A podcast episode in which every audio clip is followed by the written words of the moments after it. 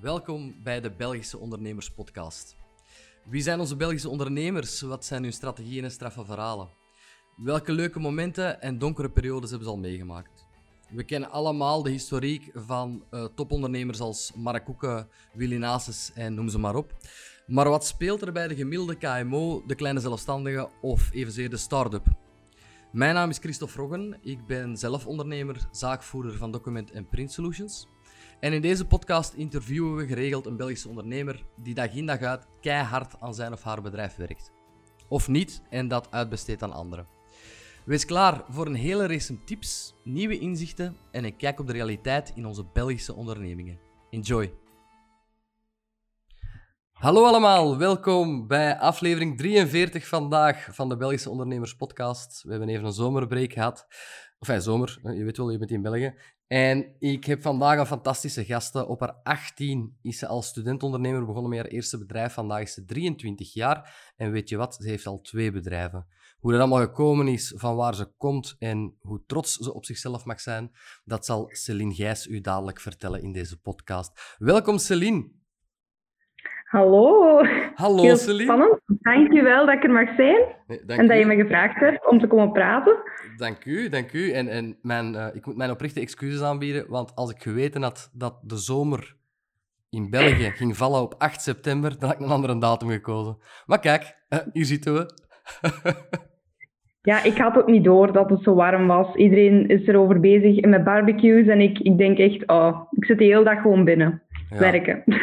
En terecht, want uiteindelijk, hè, je bent nog maar 23, je hebt nog lang te gaan. Nee, nee, dat is niet waar. Celine, Celine je hebt, eh je hebt Seagraphy en Sea-Line ondertussen als Ja. bedrijven die, waar je eigenaar van bent.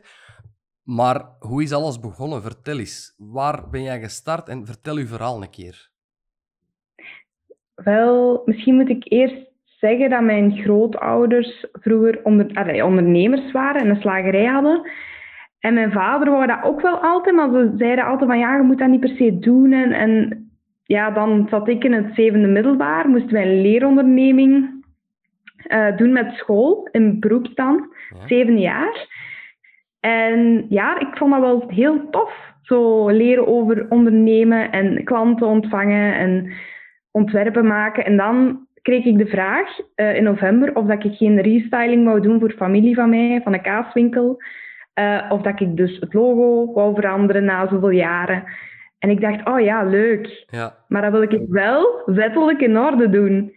Bestaat er zoiets voor studenten, dacht ik dan.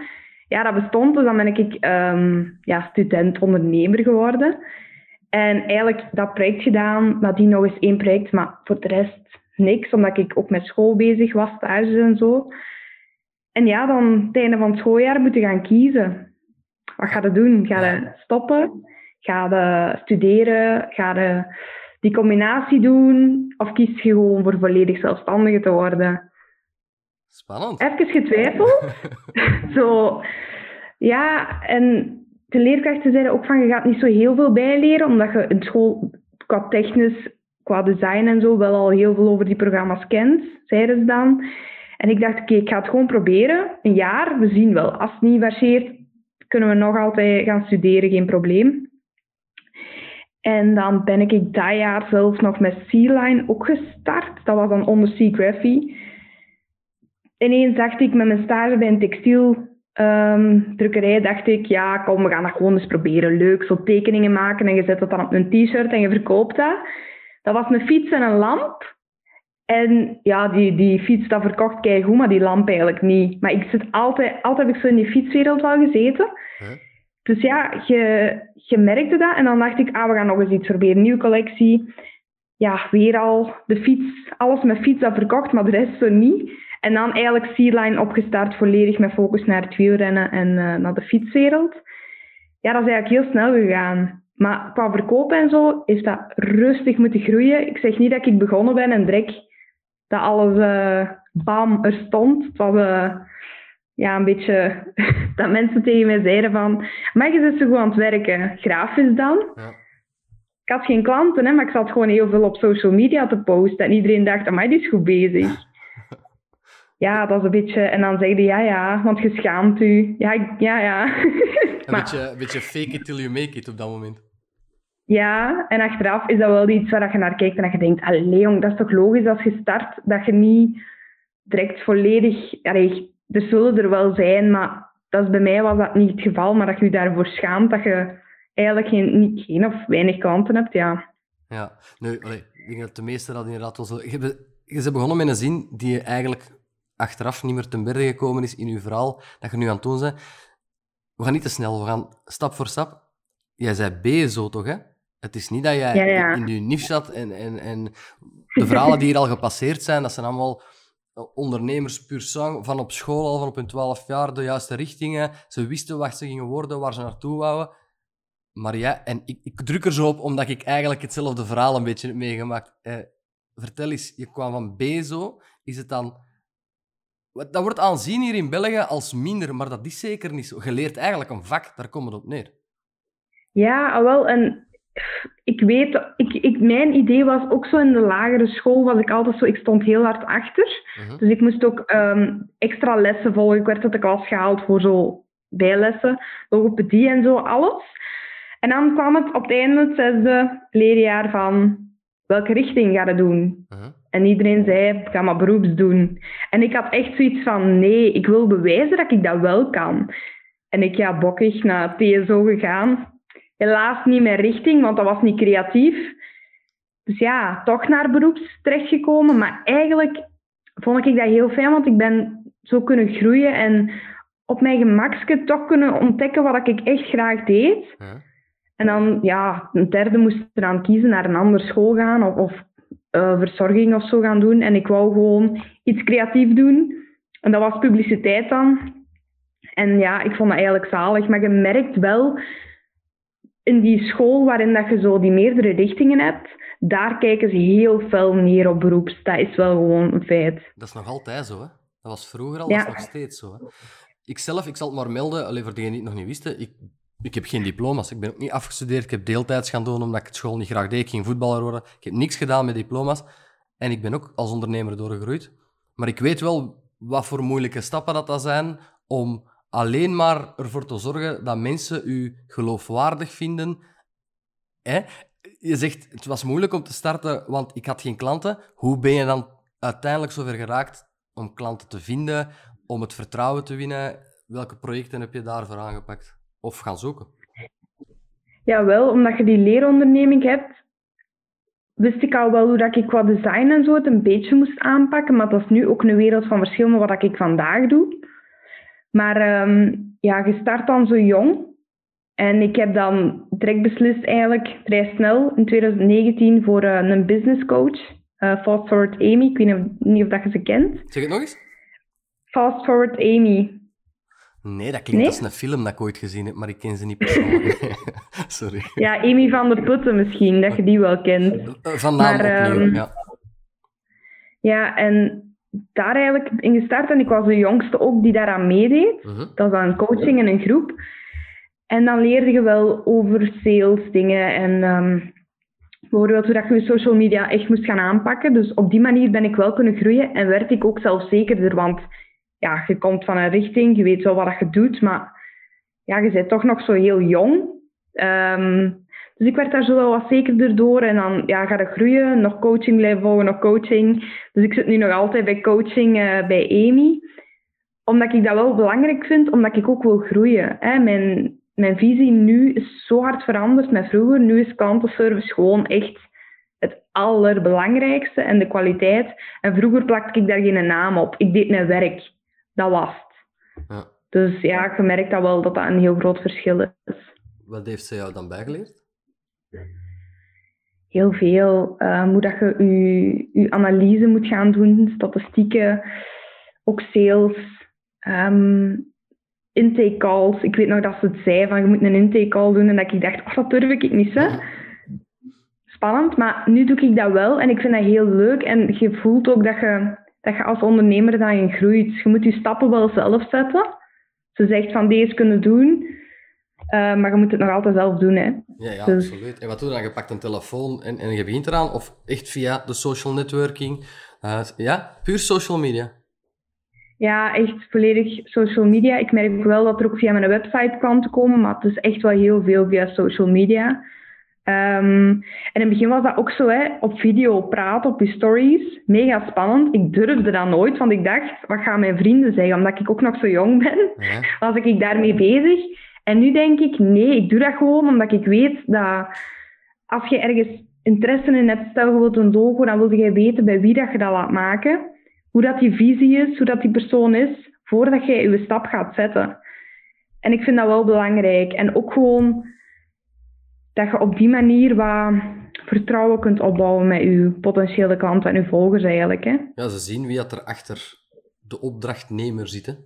Nu, Ja. heb je tips voor, voor mensen die met zulke... allee, niet per se voor in uw, in uw domein, in uw gebied, maar voor jonge ondernemers die ook via social media meer bereik willen hebben bijvoorbeeld. Zijn er tips die je durft of wilt geven? Of zeg je van ja, gewoon gaan en, en je eigen zijn? Ik weet wat dat bij mij heel hard geholpen heeft vroeger, dat was vooral die reviews posten. Als je klanten hebt, altijd reviews vragen. Wat vinden ze ervan? Wat... Ook zo weten direct hoe dat je klant erover denkt. Hè. Stel dat iemand niet tevreden is, dan gaat dat rap misschien rondgaan. Terwijl dan kun je daar nog op ingaan. Je weet gewoon heel snel hoe dat zit, wat dan een klant van u denkt. En ja, ik vind dat wel belangrijk. Ja, Dat hoort ook bij die klantenservice. Dus dat is wel een goeie. En ook ja, redelijk veel posten, daarmee bezig zijn. Niet zo een half jaar offline zijn en dan terugkomen en verwachten dat je klanten er ook gaan zijn. Nee, je moet dat blijven doen. Oké. Dus dat jij- eigenlijk, ik denk dat dat het belangrijkste... Sorry, zeg nog eens. Nee, dat dat eigenlijk de belangrijkste tips zijn dat ik nu zo direct kan, kan meegeven. Heel goed, dankjewel. Wat er eh, met C-Graphie gebeurt, is je ontwerpt logo's, huisstijlen, eh, websites ook, als ik me niet vergis. Ja, En allemaal in dezelfde stijl. Dat is waarom dan een klant bij u terechtkomt. Hij wil zijn eh, bedrijf starten of laten redesignen. En jij werkt dat van A tot Z uit in samenspraak met de klant. Dat is, zo zie ik het juist, hè? ja Ja. klopt helemaal. Ja. En zonder u. eh, wacht, hoe moet ik dat hier verwoorden? Eh, Zonder u, u eh, wantrouwig te maken of, of down te maken. Er is best wel wat concurrentie in uw sector. Ja? Mhm. klopt. Hè? Dat is Ja. niet erg, hè? in de mijne ook. Dus ik, ik, ik bedoel het niet verkeerd. Waar maak jij het verschil? Waarom komen ze bij jou terecht? Kom aan, verkoop jezelf, Celine. Het is de moment. Er luisteren tientallen mensen. Ik vind dit een topvraag.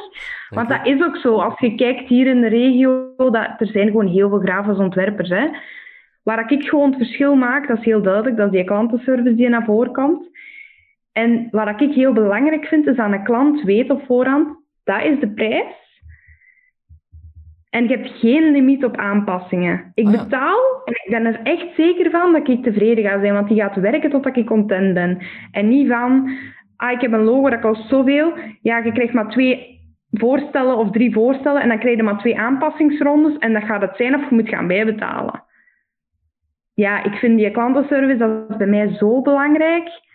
Ik doe nu ook zelfs feedback calls via Zoom. Ehm, waarin dat ik met die klant ook echt ga bespreken van dat zijn al ontwerpen. Dat is mijn advies daarin. Eh, hoe zie jij dat? Zo. Ik vind dat belangrijk. Mhm. Het gaat om heel veel hè, in design. Je- ja, ik vind dat gewoon superbelangrijk, klantservice. Dat is het belangrijkste dat er is. Dat is ook de enige reden dat klanten ooit terugkomen. Als ze daar tevreden van zijn, als de opvolging goed is. Dus wat je, wat je doet, is een projectprijs. En whatever it takes, hoeveel uren dat je er ook aan bezig bent, dat wordt niet van afgeweken van die prijs. Nee, je eigen vingers klopt. gesneden daarmee? Ik denk dat dat heel goed meevalt hoor. Ja. Omdat ik ehm, ook echt moeite daarin steek om te begrijpen wat een klant zegt. En soms kun je eens mis zijn, hè, dat je met ontwerpen totaal de verkeerde richting uitgaat. Of dat ze toch denken van, hm, ik wil het toch helemaal anders. En dan zeg ik ook sorry, maar ik vind dat net... Je moet geen sorry zeggen. Ik wil dat jij content bent. Want als jij niet tevreden bent met je logo, je gaat weg en dan is het slechte reclame, wil ik niet. Nee, nee, absoluut. Dat gaat, dat gaat veel te snel. Hè. Eh, eh, websites, logo's, web- eh, de huisstijl, zijn er zo dingen die daar nog bij horen? Of is dat het algemene plaatje? Alles wat met de communicatie naar buiten toe, met de marketing van de klant te maken heeft, is in dezelfde stijl. Dat is wat je doet. Ja, ook social media eh, templates, omdat dat wel gemakkelijk is. Ze hebben daar gewoon meer nood aan, is zeker als je start. Ja, dat is eigenlijk, dan maak ik een template en daar kun je zelf je, bijvoorbeeld een quote gaan inzetten. Dus ik bereid dat voor in de huisstijl. kei gemakkelijk, waardoor dat je, als je bijvoorbeeld start met je bedrijf, moet je daar al niet over zitten nadenken. Dan zit het direct just. Want dat is vaak het ding. Je start, je hebt je logo, maar hoe ga je dat nu verder gaan uitbouwen? Mhm. En dan zit je zelf toch nog te prullen. En het is gewoon zo belangrijk dat dat een totaal geheel is, dat mensen ja, dat herkennen als ze iets zien. En niet van, ah ja, nu is het weer anders. Ja, belangrijk. Oké. Zeg, en daarnaast heb je C-Line. Want je dacht, Ja. ik heb nog niet genoeg te doen, ik ga daar nog even iets bij pakken. Dat eigenlijk voortkomt uit een stage die je bij een drukker hebt gedaan. Zoals je Ja. zelf zei, wat, wat printjes op, met alle respect hoor, wat printjes op t-shirten eh, drukken. En eh, als ik het goed vernam, in uw garage. Nee, eerst uitbesteden en eh, laten drukken. En daarna in uw garage zelf begonnen. Maar op een zeer professioneel niveau voor een zeer specifieke sector. ja. Ik ben helemaal mee. Ik ben helemaal Ja. mee. Ja, het is, het is wel... Dat was ook eigenlijk... Het is een beetje een hobby dat je begint en dan draait dat uit naar inderdaad nog een bedrijf dat je erbij doet. Wat dan nu ook weer gegroeid is, want eerst waren het gewoon t-shirts. Dan dachten we, oh, koerssokken, dat is wel leuk. Petten zijn wel tof. En nu hebben we bitons, eh mokken, zelfs koerskleren ehm, dat ik nu ook verkoop. Dus dat, dat is wel heel hard uitgegroeid, hè. Ehm, en ik ben nog altijd in mijn garage bezig met, met t-shirts te drukken. Ze. dat nog wel, ja. Hoeveel uren per dag spenderen daar zo aan, aan, aan dat drukken dan? Ah, wel, maar het ding is, dat valt te zien met de bestellingen die er komen. Ehm, dus ik werk niet met een... Ja, ik heb wel een deel stok van bijvoorbeeld events of zo, dat gaat liggen, dat bedrukt is. Maar voor de rest is dat onbedrukt. Dus stel nu een klant bestelt morgen iets, dan ga ik morgen zien, heb ik die daar in stok steken? Oké, nee, eventueel een leverancier dat je daar bestelt. Gebeurt wel heel snel. En vanaf dat ik dat heb, die een t-shirt bijvoorbeeld, dan pas ga ik dat drukken. Omdat je dan niet met zoveel bedrukte dingen zit Juist. kost ook natuurlijk veel geld dan. Dus ehm, dat valt eigenlijk gewoon te zien qua verkoop. Maar ehm, nu merk ik dat het zo wat draait naar de koerskleren die eigenlijk heel veel verkopen. En, en Dus daar zijn nu... echt in de koers? Ja. Of, of mannen die zondags een duvel gaan drinken op het terras? En vrouwen, sorry. Alle vrouwen drinken ook duvel, sorry. Allebei? Ja, alle twee. En ik heb ook, omdat je vrouwen zegt, ik vind dat kei belangrijk dat vrouwen ook ehm, mooie koerskleren kunnen kopen. Want vaak wordt daar geen rekening mee gehouden of die hebben zomaar een beperkt aanbod. En ik dacht, oké, nee, elk design moet een vrouw ook hebben. Een vrouwencollectie voor gewoon t-shirt ook gemaakt, omdat ik dat gewoon kei belangrijk vind. En met die koerskleren net van hetzelfde. Een vrouw moet dat ook kunnen kopen. eh, Eh, maar om op uw vraag terug te komen, het zijn eigenlijk alle twee. Ik heb drie eh, wielrenners die ja, daar echt mee gaan koersen. Ehm, wat heel tof is. Ja, en dat zijn ook zo vrienden, dus dat is wel leuk. Tof project. En dan daarnaast, ja, mensen die dat kopen, die inderdaad zo eens gaan fietsen of, of ja, wel wat meer fietsen, maar voor hobby of zo. Dus zo zijn die twee toch. de, de, de Eloy Uedraogo van de fietssector, zeg maar. Die heeft ook zo'n sportmerk voor, voor vrouwen. Sportkleden, ja. We moesten het nu niet weten. Misschien kunnen we een collab doen. Je weet het niet. Ja, wie weet. Wie weet. Ja, voilà. Zeg, en ja, ook daar, eh, werkt dat met een webshop of zo? Ja. Zelf, Ja, ja, ja. zelf gemaakt? Ja. Knap. Ja.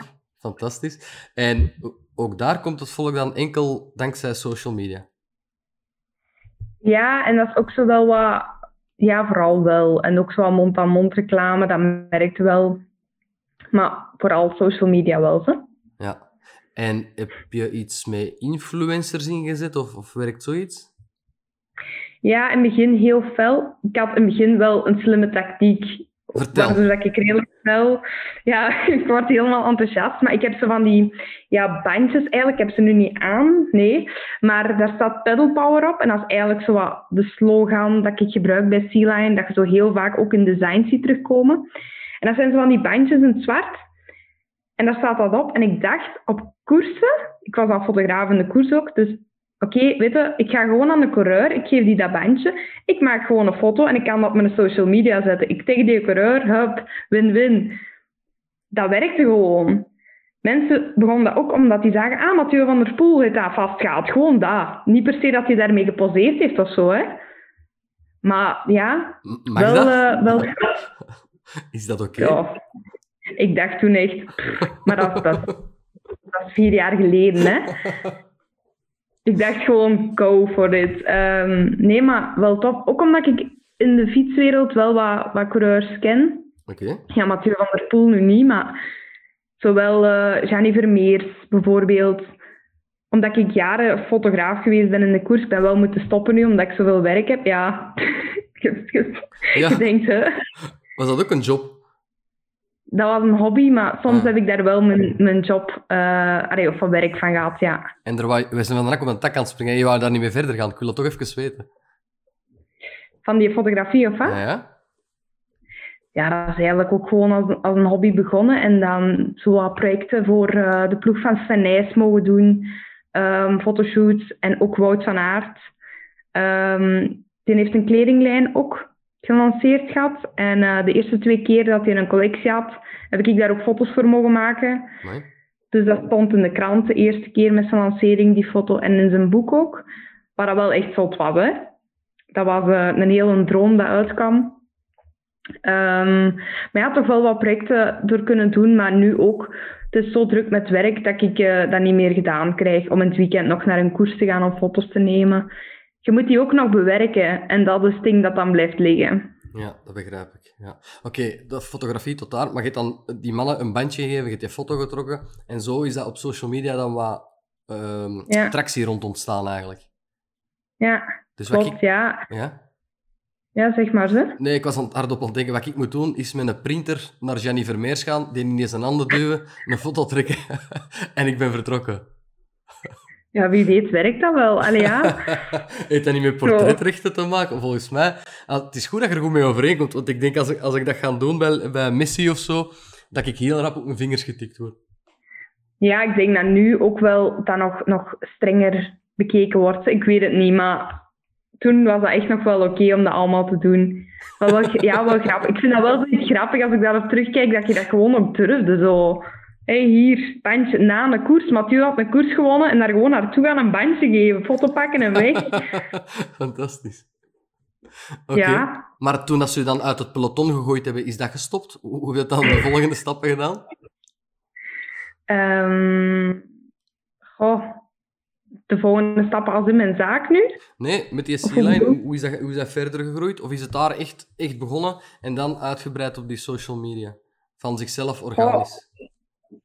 Ik denk dat dat zo wat begon. Vanaf dat die koerssokken ook wat te koop waren, coureurs begonnen dat wat te dragen in het peloton. En dat, dat was ook wel heel tof. En zo gaat, ging dat wat rond. En ja, je gaat eraan bouwen. Hè. Dat is zo'n collectie, terug een collectie. En soms dan sla je helemaal een bal mis. En dan denk je, oei, wat heb ik nu weer gedaan? Dat verkoopt niet. En dan verwacht je dat dat keiveel verkoopt. Ja, dat zijn ook dingen dat je leert. Hè. Soms verkoopt het gewoon niet zoals dat je verwacht. Ehm, maar ja, ik, dat is ook zoiets...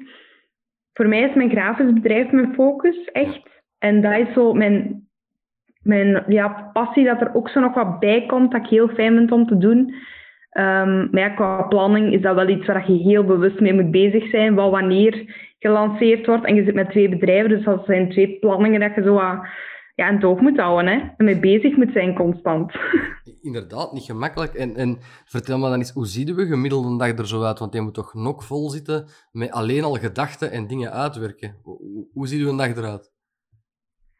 ik begin wel redelijk rustig. Ik heb mijn slaap wel enorm hard nodig. Tegen een uur of. Mm. Tot acht uur slaap ik. En dan, ja, dan begin ik eigenlijk al direct, want ik werk nog thuis nu.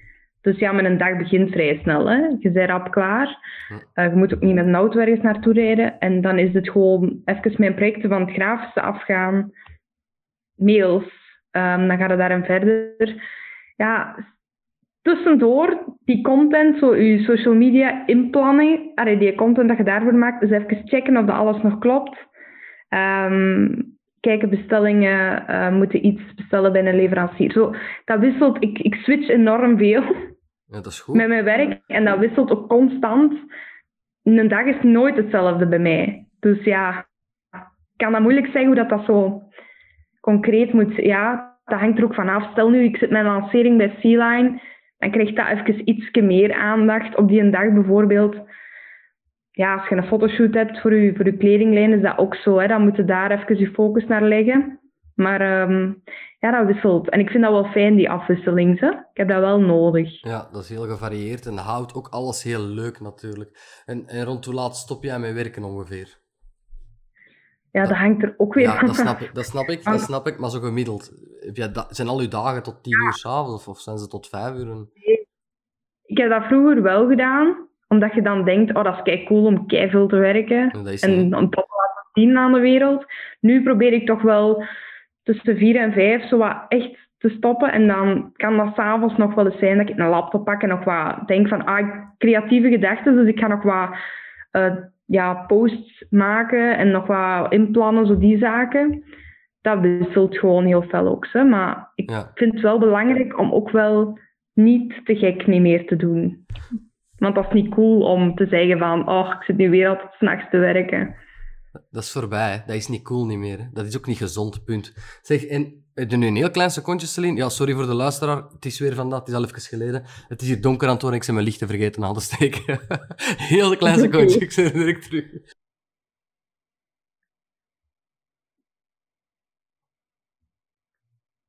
Zo rap gaat dat, ze. Sorry, ze. Ehm, wat ik wou vragen, uw social media, ik vind dat toch altijd een, Ik heb er nu al een paar keer over gevraagd. Ik vind dat een gegeven dat heel hard meespeelt tegenwoordig in sales en in ja, gewoon het succes van een bedrijf heel vaak. De bedrijven die niet op social media zitten, ze zeggen daarvan, die doen niet mee. Dat is niet helemaal waar, maar het zal toch voor een stukje. Ehm, heb jij bepaalde dagen, uren dat jij je post zet? Of is dat ook weer heel gevarieerd? Ah, dat is een geheim. Nee. Ik, zelf bij mezelf bijvoorbeeld, privé, zou ik altijd denken zeven uur s'avonds. Maar dat is dus niet... Ja, iedereen post dan, hè. Mhm. Niet altijd slim, maar mm, bij mij, ik heb zo'n een systeem dat ik inplan en dat noemt later. En die geeft aan wanneer dat ik eigenlijk het beste zou posten. Dus ik doe gewoon dat. Ik weet niet of dat dat het beste is. Ik gok gewoon. En ik denk, oké, het zal dan wel goed zijn. Dus ik zet dat gewoon op die uren en klaar. Geen idee. Ja, het werkt, want je hebt je werk. Maar later, is dat een, een gratis programma of zo? Is dat iets dat? Het is maar voor de luisteraar. Ah, wel. Ik weet niet of dat dan nog gratis is. Momenteel, ja, ik betaal dat nu voor, omdat ik met twee accounts zit, moest ik vroeger betalen, dus ik doe dat gewoon. Ehm, maar ik weet niet of dat dan nog gratis is. Misschien voor een paar, zo'n twee weken of zo, ik weet het niet. Oké, later. Vroeger wel. Ja, later. Dank u. Dat is een waardevolle tip, hè, Celine. Nu, nu, nu, voor de, nu, is, nu zijn ze echt aan het noteren aan de andere kant van de boksen. En aan het denken, oké, dank u Celine. Hier, hiervoor doen we het. Merci. Nee. Eh, eh, eh, studeer jij nog bij? Ben jij nog bezig met, met je inlezen in bepaalde zaken? Volg jij seminars? Hoe probeer jij één up-to-date te blijven voor je eigen bedrijf, maar daarnaast misschien nog andere dingen die je interesseren? Ehm, boeken lezen sowieso niet. Ik vind dat heel moeilijk. Iedereen doet het en dan denk ik, oh, ik moet dat ook doen. Dus je forceert dat soms, maar Nee. als het je ding niet is, moet je ook denken, het is mijn ding niet. Voilà. Simpel. Ik, vooral, ehm, wat ik doe, is die business coaching, eigenlijk. En dat zijn ook zo sessies waarin dat je in een groep zit en dan worden er dingen besproken, dus wel goed. En ook workshop, Ehm, dat is nu ook. Maar zo echt, ja, voor de rest niet. Maar ja, events zijn er ook niet echt niet meer geweest. Hè. Dat begint nu terug. Ehm, maar ik vind dat wel belangrijk dat je blijft bijleren, sowieso. Die business coaching, is dat maandelijks, wekelijks? Is dat één keer op het jaar? Ehm, ja, dat is een traject eigenlijk van zes maanden, denk ik ongeveer dat dat is. Ja. En dan is dat zo om de, allee, twee keer in de maand er een, een coaching sessie en dan voor de rest zijn dat modules eigenlijk.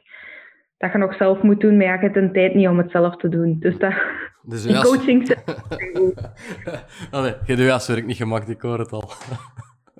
Ja, of dan denkt ze, ah, nu wil ik zoiets, nu heb ik iets nodig en dan gaat het zien en dan denkt ze, ah ja, oké, nu kan ik dat even checken. Zo, Ja, wat je nodig hebt, pak je gewoon dan. ik versta wat je zegt, ik versta het. Je zegt zelf de evenementen, ja, inderdaad. Hè. Eh, Vooral netwerken is er niet geweest de laatste, het laatste anderhalf jaar, tenzij online, maar dat is niet, laat ons eerlijk zijn. Welke netwerken deed je daarvoor en in welke netwerken zie jij iets waar, van daar wil ik nog naartoe, dat wil ik zeker nog gedaan hebben? Goh, ik ben eerlijk gezegd, ik heb dat gedaan in het begin, maar Ja? Ik kwam daar binnen als een 21-jarige tussen allemaal volwassen mensen en veel mannen. En ik voelde me niet op mijn gemak. Dus ik heb dat gewoon niet meer gedaan nadien. Ah, dat is zo zonde. Uh, ja, nu... Um, ja, dat is weer pas. En het heeft ook weer met mijn businesscoach te maken, maar die had een event en de, dat waren 50 vrouwelijke ondernemers. Dat is leuk. Ik voelde mij zo... Ja, je kunt zo wat even babbelen over wat je meemaakt. Je snapt elkaar ook goed. Ik vond dat wel heel fijn en ik merk wel dat daar veel meer nood naar is nu ook. Maar ik weet niet of dat, dat zo hier... Ja, je hebt wel bepaalde um, plekken waar je netwerken kunt gaan doen, maar je zit zo vaak bij dezelfde mensen die je tegenkomt, heb ik het gevoel. Ja, dat zou je een businesscoach je dan wel moeten leren. Dat moment dat je naar netwerk gaat, dat je tegen iedereen je kind een dag zegt. En er dan voor zorgt dat ze je voorstellen aan iemand dat zij kennen en jij niet. Dat is zo'n beetje het punt. dat is heel belangrijk. Ja, wel. Dat gebeurde dus op, op haar event dan. Dan waren ze zo voor mij de sales aan doen en ik dacht, oké, nice, goed. voilà, maar dat kan dus op elk evenement. Hè. Alleen is het jammer dat je die slechte, allez, slechte, een mindere ervaring hebt gehad in het begin. Maar uiteindelijk is dat, is dat wel iets... Ja, ik zou me ook beter voelen met 50 vrouwen, daar niet van. Maar uiteindelijk, leeftijden heb ik al gemerkt. Um, want ik ben zelf ook vrij jong gaan netwerken. Ik vind dat dan al een paar keer vervaagd, die leeftijd. Op den duur hebben we niet meer door dat je iemand van 55, met alle respect, aan het praten zei. Of nu op mijn 38, dat er iemand van 22 vol overgave en passie tegen mij staat te verkondigen wat ik eigenlijk beter zou moeten doen. En hij godverdomme nog gelijk ook. Snap je? Ik vind dat dat vervaagt. Ja, ik, ik merk dat ik, ik schaamde mij daar vroeger ook over, omdat ik dacht van als ze weten hoe oud dat ik ben, dan gaat mijn, mijn verkoop ook dalen. Maar Nu weet ik ook van, ik wil daar eigenlijk vooruitkomen en dat is net hetzelfde van beroeps. We moeten daar niet over zwijgen. Dat is gewoon heel graaf dat je dit nu doet. En dat wil ik ook... Dat is oké. Praat erover. Mensen mogen dat weten dat je jong bent en dat je bezig bent met je passie. Maar dat was toen zo. Je zit dan, je start heel jong. Je bent nog vrij onzeker in wat je doet. Ja, dat snap ik ook. En nu ben je zo wat meer, je weet waar, je, waar je mee bezig bent volledig. Dus dat is wel anders. Ja, nu dat je aan het vertellen bent, denk ik gewoon in mijn hoofd even, want ergens anders denken is belachelijk. Maar dan zie ik je binnenkomen, je doet een verhaal, sorry, je doet verhaal tegen een paar mensen. En eigenlijk wat er terugkomt naar jou, ga heel veel respect zijn. Dat je dat op die leeftijd al durft en dat je, als je op dat moment vol zelfvertrouwen staat te praten van ik weet wat ik kan en ik kan het nog heel goed ook, dan gaat dat heel veel respect mee afdwingen. Want ik, alleen mijn inleiding, 18 jaar, 23, 5 jaar later op haar 23 al twee bedrijven, geloof mij, dan zitten ze hun volume iets harder om te horen hoe hebben ze dat gedaan, waar ze mee bezig en daar is heel veel respect voor. Dat is gewoon zelfvertrouwen. Ja, maar dat klopt. Maar ja, ik weet ook toen was dat niet zo. Ik was heel stil. Ik vond dat ook heel ambetant om zo... Je moet je eigen dan voorstellen. Ach. En nu denk ik, ja, oké. Nu vind ik dat oké om je voor te stellen en te zeggen wat je doet en waar je mee bezig bent. Maar toen was dat heel anders. Ja, je bent ook zo jong, vind ik dan. Ja, maar ik volg het wel. Allee, ik heb uh, altijd een hele grote mond gehad en heel veel zelfvertrouwen naar de buitenwereld toe. Maar het moment dat je moet rechtstaan voor 40 ondernemers en je moet je eigen minuut voorstellen, dat is een hartaanval. Hè? En dat is bijna letterlijk. Ze konden de mug bellen. Maar na tien keer gaat dat beter en beter en beter. En op een duur voor mensen praten. En daar leerde zoveel van bij in zelfontwikkeling, dat ik het toch elke ondernemer, zeker startende, zou aanraden om dat te doen. Ja, ja, sowieso. Ja, ik weet, op een netwerkevent was dat toen ook. En dan moest u van voor gaan pitchen, maar je mocht zelf kiezen of dat je dat ging doen of niet. En ik zat daar echt zo van, ah, moet ik dat doen of niet? En uh, ik heb dat toch gedaan. Top omdat je ook, je moet uit die comfortzone gaan. Ook al ben je heel bang en denk je van oei, want je zei dan, ja, je ziet al die, die gezichten naar je kijken, maar valt wel. Oké, je leert eruit, je zegt misschien is iets stoms, maar goed. Volgende keer niet meer dan, hè? Snap je? Allee, dat, dat zijn wel dingen, maar dat is omdat je jong zit en omdat je zo, zo in je hoofd ook denkt de hele tijd van ah, ik ben jong, mag dat niet zeggen. Of... Ja, maar dat is nu wel dat is toch ook, want mijn vraag was, studeer je of leer je nog bij? Dat is toch ook een hele grote vorm van bijleren uiteindelijk. Het doen, uit je comfortzone komen. En ja, is niet goed, is niet goed. Niemand gaat naar huis gaan en zeggen, amai, dat was niet goed. De, de volgende, die zijn dat gewoon vergeten, zijn alle minuten. Ja, nee, dat is waar. Maar ja, op school leerde ook niet constant uit je comfortzone gaan. Hè. Je zit heel veel in de comfortzone. Dus dan na school moet je eigenlijk zelf dat gaan fixen en dat zelf elke keer die stapjes zetten. Ik zou eigenlijk eens heel graag willen dat er een paar topondernemers, en ik reken mijn eigen daar niet bij, maar echt de, de topondernemers eens met scholen en directies gaan praten om eindelijk dat conservatieve er eens uit te, en, en les te gaan geven om mensen en, en, om de kinderen voor te bereiden op de toekomst, zeker in, in de richtingen van ondernemen. Want dat klopt langs geen kanten. Hè. Op het moment dat je van school komt, dan wordt er terug een leeuwenkuil ingegooid waar je totaal niet op voorbereid bent. En dat ligt eigenlijk aan de opleiding, laat ons eerlijk zijn. Ja, dat is bij mij ook. En ja, ik haalde niet de hoogste cijfers. Wiskunde was een ramp, maar ik heb ook dyscalculie. En mensen snappen dat nog altijd niet, dat je een zaak kunt hebben en dan dyscalculie hebt. Maar er zijn rekenmachines, hè, boekhouders en zo. Dus de fixera. Maar mijn schoolperiode was gewoon niet gemakkelijk. Maar als je mij ging kijken naar wat ik echt goed kon, dan was dat creatieve. Hadden ze mij daar meer in begeleid, was dat gewoon beter. Je moet niet kijken naar, ah, dit zijn de lijnen, zo moeten we gaan. En allemaal hoog, hoge cijfers. Nee. Ontwikkel de persoon, laat die groeien. Talenten. Meer met talenten bezig zijn dan ja. met zo gaan. Borduur voort waar ze heel sterk in zijn. En dat mindere, ja, dat vangt iemand op in zijn netwerk daar rond. Hè. Zoals gezegd, er zijn boekhouders ook. Er zijn rekenmachines. Je hebt er helemaal gelijk in. Leef jij gezond? Ja. Ah, wel, ik, ja, nu, nu wel. Sinds ik vandaag? echt heel... Welk? Sinds vandaag? Of wat wil je zeggen? Nee, nee, nee. Oké. Het is zo dat je vaak het excuus gebruikt van... Um, het is te druk. Dus ik kan niet gaan sporten of ik kan niet op voeding letten, maar ben nu drie maanden bezig met toch bewust te sporten en ik ga naar een personal trainer. En ik vind dat, daar is wel tijd voor, maar je moet daar een prioriteit van maken. Dat is belangrijk, want dat helpt ook voor je, voor je hoofd.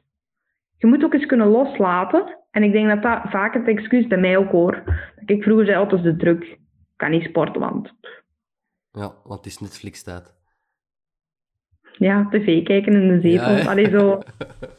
en wat doe je van sport?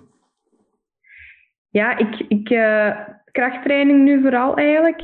Tennisles zit daar ook wel eens bij. Leuk. Um, en ja, op mijn rollen fietsen. Oké, okay, ah ja, tuurlijk, ik was het al vergeten. En dan hangt zo'n wereldkampioenentruiken achter u en ik, ik vergeet dat fietsen gewoon. Ja, dus je kunt nog altijd Netflix kijken. gewoon op je fiets aan het ja. ja, het gebeurt wel zo dat je zo even... Ja, je zit, dat is ook maar saai hè, op je rollen. dus ja, ja, absoluut, absoluut. Maar het is goed dat je inderdaad...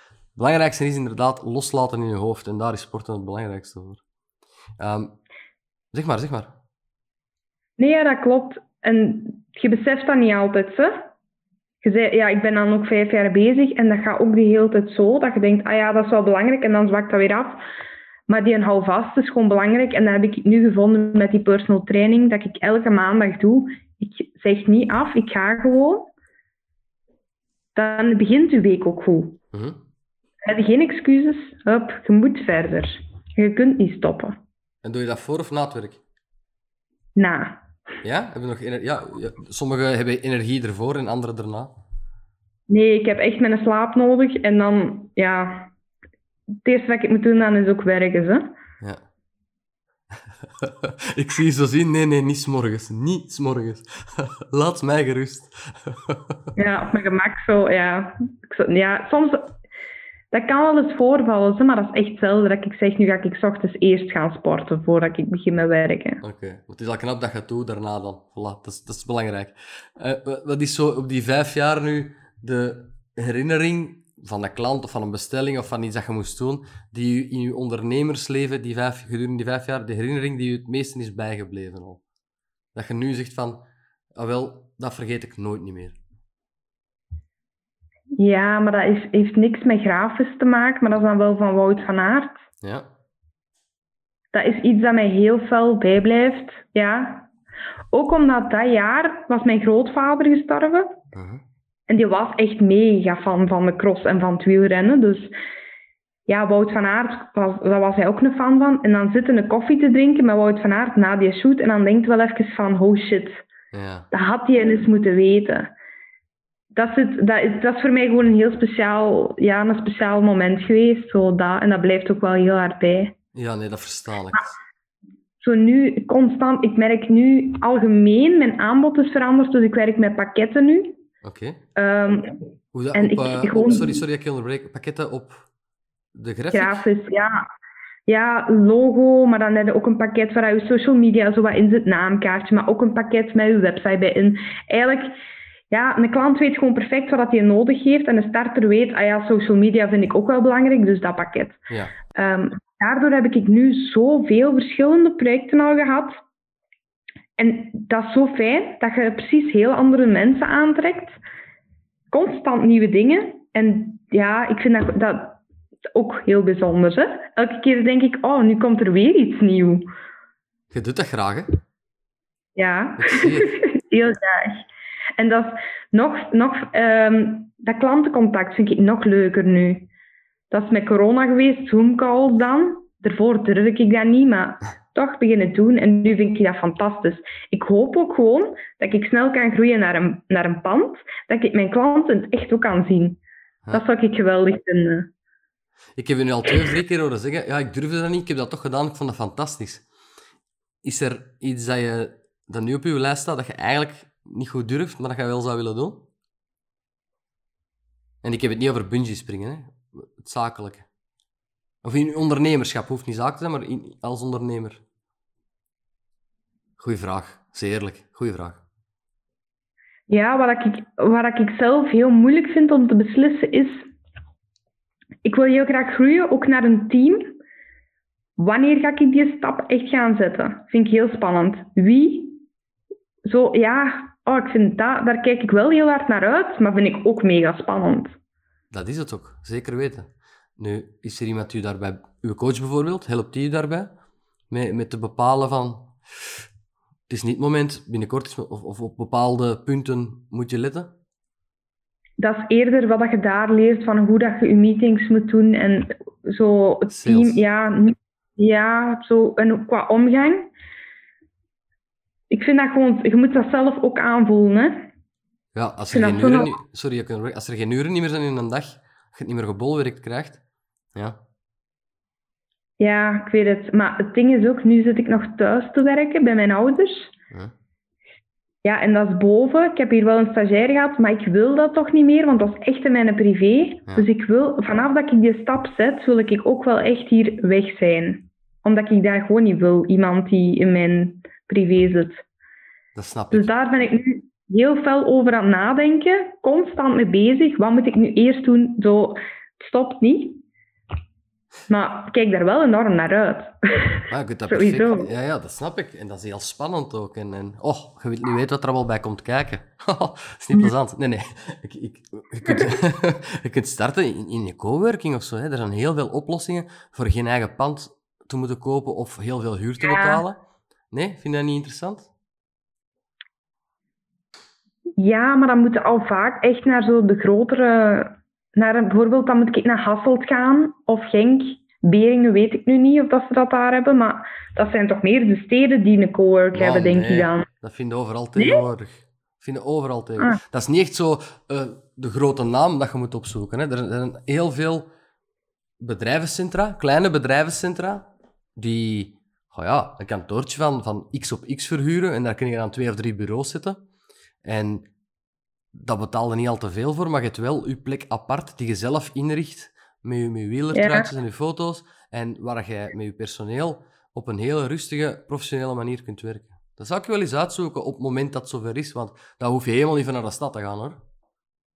Nee, en dus dat, qua, qua, ik wil geen half uur in mijn auto zitten. Dus dat dat ik ook nog dat moet doen, dat verlies ik ook superveel tijd mee. Dus ja, Ja. dat moet zo wat in de regio zijn. Maar nee, dat is wel waar. Wat Dan moet ik ook gewoon... Er zijn zoveel opties dat je hebt. En dat maakt het soms in je hoofd moeilijk. Ja. maar daar zijn andere ondernemers en netwerken voor om daar eens over door te kunnen praten met de juiste mensen. Want ik, allee, het kan goed zijn, we zijn er nu, ik ben er nu met u aan het over doorpraten, maar mensen die luisteren, dat die wel oplossingen voor u hebben en die, die willen aanreiken en daar contact over nemen. Dat kan, hè. het is al vaak gebeurd dat de, kost, de podcast crossovers krijgt van verschillende kandidaten. En, dus er zijn genoeg op... Van waar was je? Het is zenderloos zo. Ja, klopt. Er is in Ja. sowieso een coworking, hoor. Dat is, een, dat is een al industrie hinder. Hmm, dat weet ik niet. Maar ja, ik ga het wel eens uitzoeken. Hè. Maar sowieso dacht ik... ik kan dat ook wel eens op LinkedIn zetten. Gewoon een vraag stellen voor iets van, van plaatsen. Of, dat is ook zo online. Hebben wel kantoren waar je een stuk van kunt huren en zo. Maar dat is toch nog vaak anders. Als je dan een keer... Mensen hebben een ervaring daarin en, en weten dat, hoe dat, dat gaat en zo. Ik weet niet. Komen nog wel dingen uit, denk ik. En nu zeker, de helft van het personeel gaat maar terug naar de werkvloer. Dus er staan heel veel panden waarvan dat de boven-beneverdieping niet gebruikt wordt, die nu oplossingen zoeken om dat te verhuren, want dan hebben ze inkomst. Allee, er is echt waar, geloof me, je gaat iets vinden. Als je het op je LinkedIn zet, zal ik het delen. Niet dat dat, niet dat, dat belangrijk is, maar je hebt toch al één mens dat gedeeld heeft. nee, nee, maar dat, is, dat klopt wel. Ja. Dat, dus dat ik zeg, er zijn heel veel opties en je moet alles rustig kunnen bekijken. Even tijd verpakken. Wat zijn de opties? Wat kunnen doen? Dus ja, dat is wel een goede. Dat ga ik meenemen sowieso. Oh, yes. Dank u. Yes, ik had schrik dat mijn eerste podcast niks ging opleveren, maar daar zijn we terug. en als je nu zegt van, ik ga erover denken, ik moet dat afwegen, schrijf je dat dan op? Werkt dat uit op pc of, of is dat allemaal in je hoofd? Ja, dat is toch veel in mijn hoofd. Hè? Ik bespreek ook nog wel veel met mijn ouders ook. Ja. Uh, mijn papa is zelf ook zelfstandige, dus dat, je kunt daar wel zo wat in, in ja, gaan zeggen, wat, wat denk jij daarvan? Vind je dat slim? Of, ja, ik vind dat wel plezant. Dat hier thuis gaat dat heel veel over ondernemen. Dat is super, ja, dat is super, ja, tuurlijk. Ja. Je kunt nu heel veel info en ervaringen. En dan weet je exact wat je niet moet doen. En voilà, we zijn vertrokken. Hè? Nee. Um, Celine, de ambitie die jij hebt. Ik vraag normaal op drie jaar, maar je bent nog zo jong. Op vijf en op tien jaar. Met je zaak. Ja, wat ik... Mijn focus ligt sowieso grafisch wel, denk ik. Dus dat sowieso, daar ben ik zeker van dat ik nog wel doe. Um, hoe dat ik het zie, is mijn, dat ik wel een team heb. Hè? Dat ik ook wat meer voor een KMO kan werken. Um, handelspand ook sowieso. Zit erbij. Um, ja, maar daarnaast denk ik ook wel dat ik nog dingen ga doen. Ik ben een ondernemer, voel dat. Ik wil ook nieuwe dingen proberen. En ja, ik loop al wel mijn plannen in mijn hoofd van voor corona. En ik ben heel blij dat ik dat toen niet gedaan heb. Wil je het vertellen? Dus, nee. Oh. nee, maar ik weet ook niet of dat, dat ooit gaat gebeuren. Hè, maar ik voel gewoon dat ik meer wil doen. Ik wil meer testen ook. Zien wat dat er, hoe dat dingen werken. Ik vind dat heel interessant ook gewoon. Nu heb ik een product en een dienst. En dat is leuk om het verschil te zien ook. Je durft in, op die optiek durf je wel, hè? dingen gaan testen, uitproberen. Lukt het niet, Tompi, dan gaan we naar een andere. Allee, dat durf je wel, hè? Dat is wat de meesten niet durven, dat weet je toch? Ja, maar eh, ik denk dat dat is omdat ik um, niet... Ik moet niet huur betalen. Um, als je alleen woont, moet je daar allemaal rekening mee houden. Dat is bij mij niet het geval. Dus ik heb wel de mogelijkheid om daarmee zo te ontdekken. Ik zal het zo zeggen. Dat snap ik ja, nu wordt alles ook iets serieuzer, hè, want je gaat zoeken naar de groei nu, dus je moet groeien. En ja, dan moet je ook wel anders gaan denken ook. Rekening houden met bepaalde dingen. Ik vind het wel interessant, dat is leuk. Ja, dat is het zeker en vast ondernemen. Merk ik elke podcast. ja, absoluut. Dat is, ja, dat is leuk. Dat is niks leuker dan ondernemen. Had je nog op tien jaar dan een plan dat je, of, of een, een droom die je ooit wilt verwezenlijken, die niks te maken heeft met wat je er juist aan het zeggen was? van dat wil ik nu in het kort doen, maar iets dat je ooit wilt doen als ondernemer? Dat zijn al vragen, hè? Oh, dat, ja, tien jaar vind ik al heel moeilijk. Acht dan. ja, maar dat zijn zoveel dingen. Um, ik voel dat ik ook wel ergens meer wil praten over het verhaal als in, je, je, je hebt beroeps gestudeerd, je start heel jong, je doet er iets mee, je groeit verder. Ik denk dat dat wel iets is dat ik wil meenemen, toekomstgericht zo. Als motivatie, praten, ik weet het niet, dat is nu het op dat ik denk, maar ergens in mijn hoofd, ik heb daar nog nooit uitgesproken, hè, vind ik dat wel iets dat... Ik wil ook luider zijn. Hè. Ik wil ook dat mensen dat verhaal weten en dat dat, dat oké is ook. Dat je daar vooruit komt dat je beroeps hebt gedaan, bijvoorbeeld. Kun je dat met twee doen, hè? Ja, maar dat is ook... Je zou ook denken dat de school waar ik heb gezeten, dat die dat interessant zouden vinden, dat ik daar eens kon praten. Nee. En dat vind ik jammer, want dan denk ik, ja, ik kan wel de toekomst gaan inspireren eigenlijk, want die zijn nu bezig in die leeronderneming. Wat gaan die nadien doen? Hoeveel zijn er effectief van die, van die school, van die richting, die nadien iets grafisch doen? Daar zijn die allemaal niet mee bezig. Ik vind dat jammer. Heb je het al gevraagd? Nee, maar ik, ik voel dat. dat Ah, ja. zijn er niet veel. Oké. Misschien moet je eens vragen. Wie weet zeggen die, natuurlijk Celine. Waarom heb je er zo lang mee gewacht? Om te vragen of dat ik daar mag gaan praten, bedoelde. Al is het maar om eens te oefenen. Ja, ik weet, ja, nee, dat klopt, ja. Maar ik, ik snap wel wat je bedoelt hoor. En, en eh, het is een heel eh, mooi verhaal. Ik ben ook blij dat we het in de podcast kunnen brengen. Want ja, het is niet altijd de mensen die succesvol op school zijn. Het zijn niet alleen mensen die succesvol op school zijn, die het later nog kunnen maken als ondernemer of een leuke onderneming oprichten en dat behouden.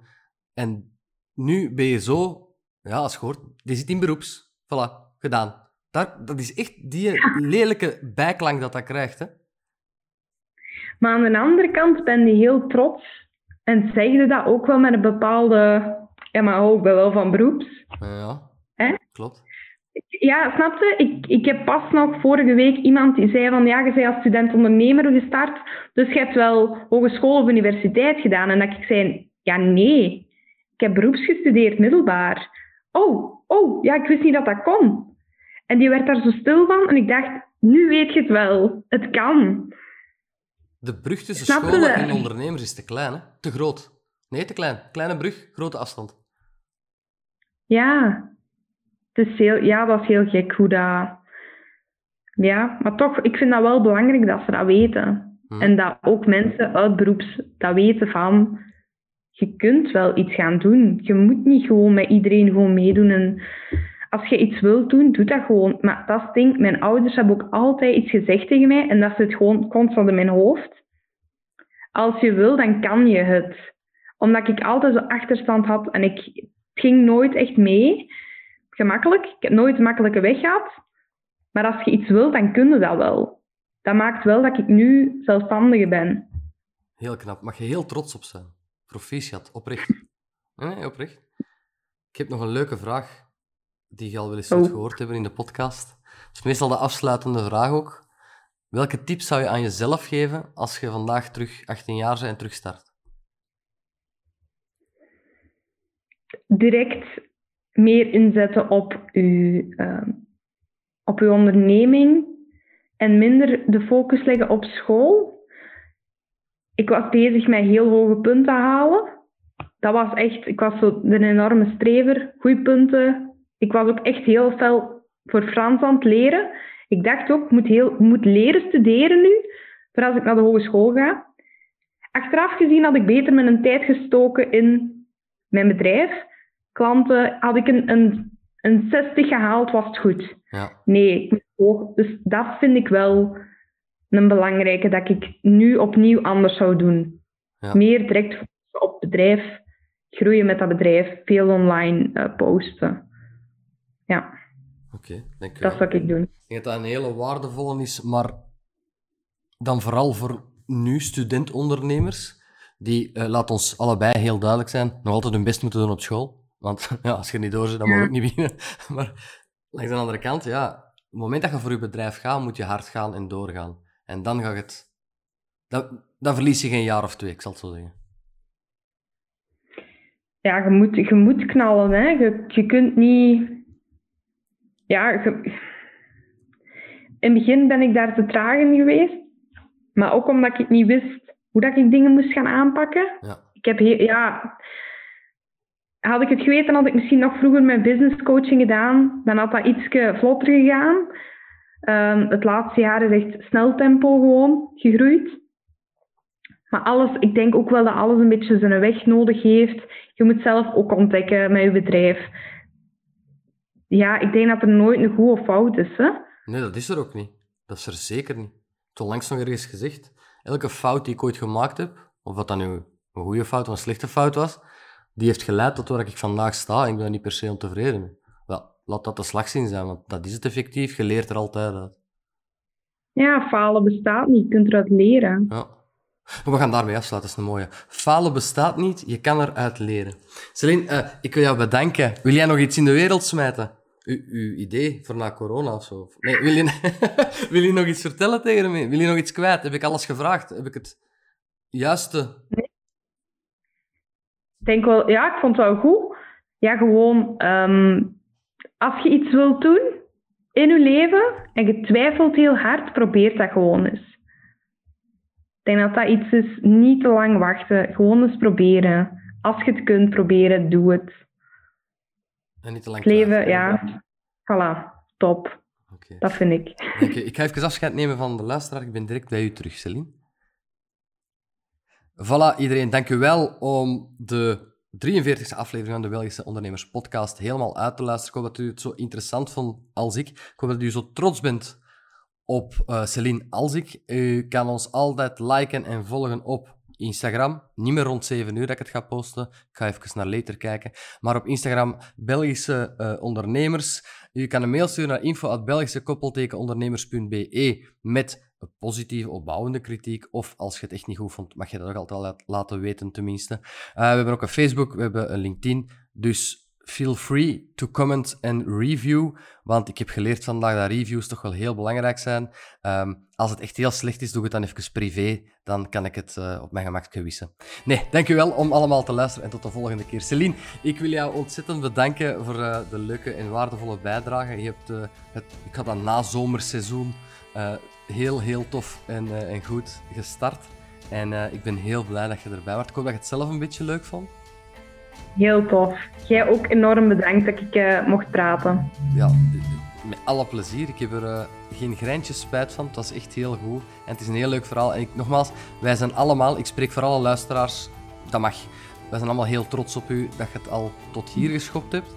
En we zijn zeker dat we nog veel over u gaan horen en zien in de komende jaren. Vanuit de coworking of uh, weet ik veel. Maar je gaat er wel geraken, dat hoor je direct. groetjes aan Wout van Aert.